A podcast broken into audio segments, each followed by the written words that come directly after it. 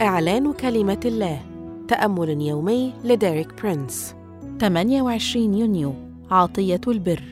هذا الأسبوع يشرح لنا ديريك برينس أننا قد تبررنا بالإيمان ولنا سلام مع الله بربنا يسوع المسيح. واليوم يوضح لنا أننا نستقبل بر الله بالإيمان بيسوع المسيح كعطية مجانية.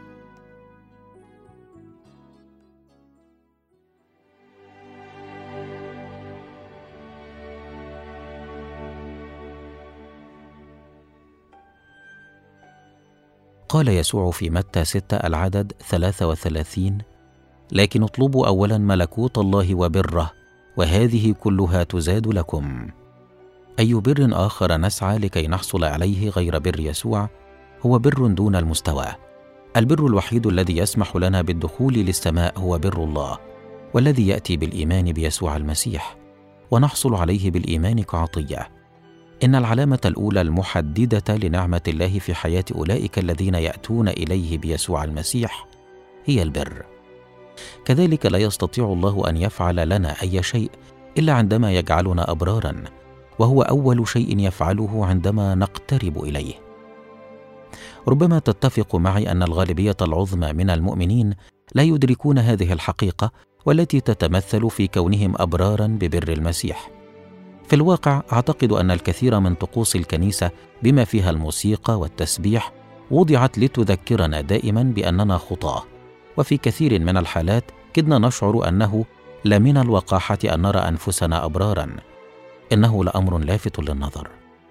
هناك حقيقة يقاومها الشيطان بشدة أكثر من مقاومته لأي حقيقة أخرى وهي حقيقة البر بالإيمان. فعندما تبدأ تدرك أنك صرت بارا بالإيمان يفعل الشيطان كل ما بوسعه ليضعك تحت ثقل الإدانة والذنب وسيجعلك تشعر ببعض الروحانية تجاه هذا المعتقد أيضا. يشعر كثير من الناس بالحرج أو الوقاحة عندما يطلقون على أنفسهم لقب أبرار حيث يعتقدون أنهم يجب عليهم أن يستحقوا هذا البر. غير أن الكتاب المقدس يشدد على أننا لا نحصل على البر بالاستحقاق إنه عطية الله المجانية لمن لا يستحق. فاما أن تستقبلها كعطية أو أن تعيش بدونها.